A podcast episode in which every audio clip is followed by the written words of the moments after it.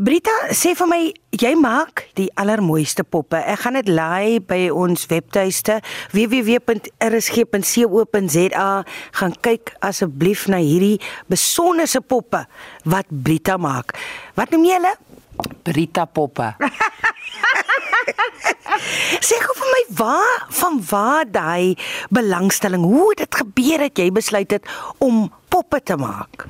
Okay, so ek het modeontwerp gestudeer. My pa was die kunsdirekteur. Ek het nooit die modewêreld verder gevat nie. Ek dink dit was net iets wat nie met my gepraat het nie. 10 jaar gelede toe bel my ma vir my. Ek was in die Drakensberg en sy het 'n droom gehad. Sy het 'n droom gehad ek maak poppe. Toe lag ek vir moeder. Toe sê ek, "Waar kom sy vandaan?" En toe 'n maand na moeder vir my gebel het, toe word ek wakker een oggend. Ek gaan na die kantoor toe waar ons werk. Ek vra vir die sekretaresse, "Kan jy asseblief my Google patrone vir poppe?" Toe het Google ons en toe het my popstorie begin. As jy nou vir 'n luisteraar wat nou nie kan sien hoe die pop nou lyk nie, hulle kan wel gaan kyk op ons webtuiste, maar hulle kan nie nou sien hoe die pop lyk nie. Beskryf gou hoe lank hierdie poppies is en en hoekom jy hulle spesifiek so maak. Hulle is anders, maar regtig besonder. So die oorspronklike patroon het kort beentjies gehad. Toe besluit ek nee, ek gaan vir hulle langer beentjies gee. En ek het 'n kontak gemaak met 'n vrou in Plettenberg Bay wat beautiful garments maak, klere maak van skaapwol en ek koop al haar los stukkies wol vir die pop se hare en ek gebruik vals eyelashes, wimpertjies en al die poppe het dieselfde gesiggie basies met die wimpertjies, maar die moontjie verander die karakter en die hare en die klere. En dan hoe besluit jy watter pop dra wat? Want die poppe se klere, daar kom jou modeontwerp uh, agtergrond nou regtig sterk na vore. Die klere wat hulle dra is goed wat op 'n loopplank hoort man. Absoluut, Heidi, dis my ding. So wat ek nou doen is, ek ontwerp vir my poppe. En ek het verskillende temas. Ek het al yoga poppe gemaak. My eerste pop wat ek mee begin het was actually die African poppe en en so het my idees ontwikkel.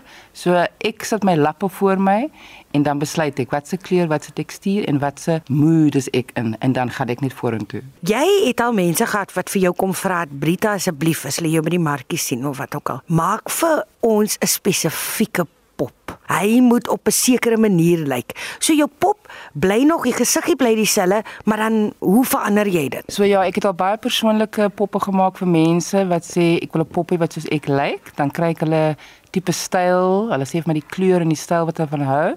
So die kleredrag en die hare gee die karakter, die anderste karakter van elke individuele pop en geen pop is dieselfde nie. Dis 'n storie wat tyd vat. Hoe lank neem dit om een pop te maak? As ek nou realisties moet sê, as ek nou regtig moet werk, ek kan een pop 'n dag maak, maar ek doen so 'n bietjie van 'n 'n masproduksie. So ek het 5 lyfies wat ek klaar gestop het en gestik het, dan trek ek die lyfies aan en dan maak ek die beentjies, dan stip ek die beentjies aan en dan begin ek met die onderste gedeelte van die aantrek en die hare en die gesiggie kom later. So dis net vir my soveel ehm um, blydskap om kreatief aktief te wees en ek dink aan die persoon wat die pop vra vir my. Ehm um, so dis net soos my gevoel gaan met my met my energie en die energie van die persoon wat die pop vra en ek gaan net met my binneste siel van plesier met poppe maak.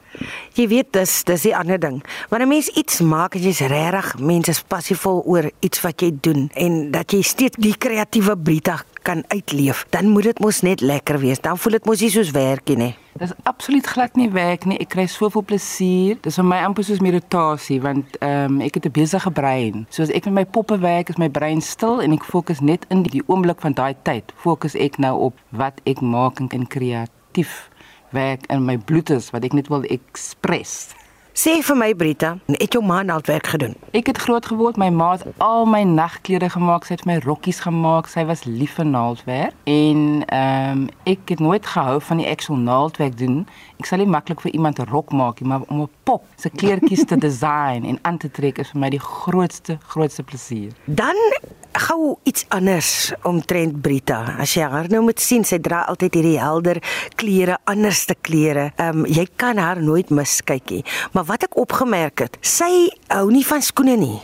Okay, so ek is gebore in 'n familie met die gene van groot voete. Maar ek is 'n vrou met breë groot voete. En my fetish my passie is klere, nie skoene nie en ek het altyd gesukkel om skoene te kry wat ek van nou wat my voete pas. En omdat ek in die stad groot geword het, was dit nou moeilik om kaalvoet te stap. Nou woon ek in hierdie klein Prins Albert se Karoo dorpie en hier is dit mos nou maklik om kaalvoet te stap. So ek verkies uiteindelik om kaalvoet te stap en my, al my poppe is kaalvoet. Jy het ook iets anders wat jy doen hè? Reiki. So ek het in Prins Albert gearriveer so 7 jaar gelede. My vriend ontmoet hierso en hulle doen massaging en reiki en Hermon is my reiki master en toe hy vir my ontmoet te sê hy vir my ek is reiki. Toe sê ek wat bedoel jy ek is reiki?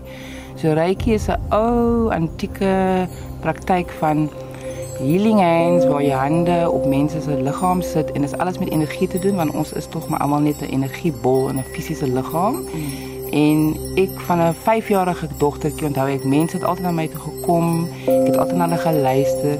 So ek is geseënd met hierdie healing nurturing deel van my en so reiki is maar net ehm um, jy weet God het mos die hands of healing gehad. So ek dink ek is geseënd met my hande en ek gebruik my hande om mense gesond te maak.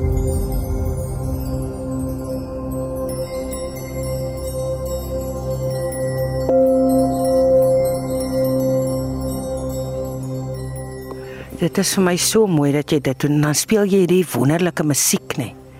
Ja, ek hou van musiek want musiek vir my, dit kan enige enige taal wees. Ek eh, musiek, jy hoef dit te verstaan nie, jy moet dit net voel. Hmm. So die musiek wat ek speel vir die mense, hulle voel dit in hulle siel in. En ja, so musiek is my lewe. Ek kan nie sonder musiek nie. Ek dans met my musiek.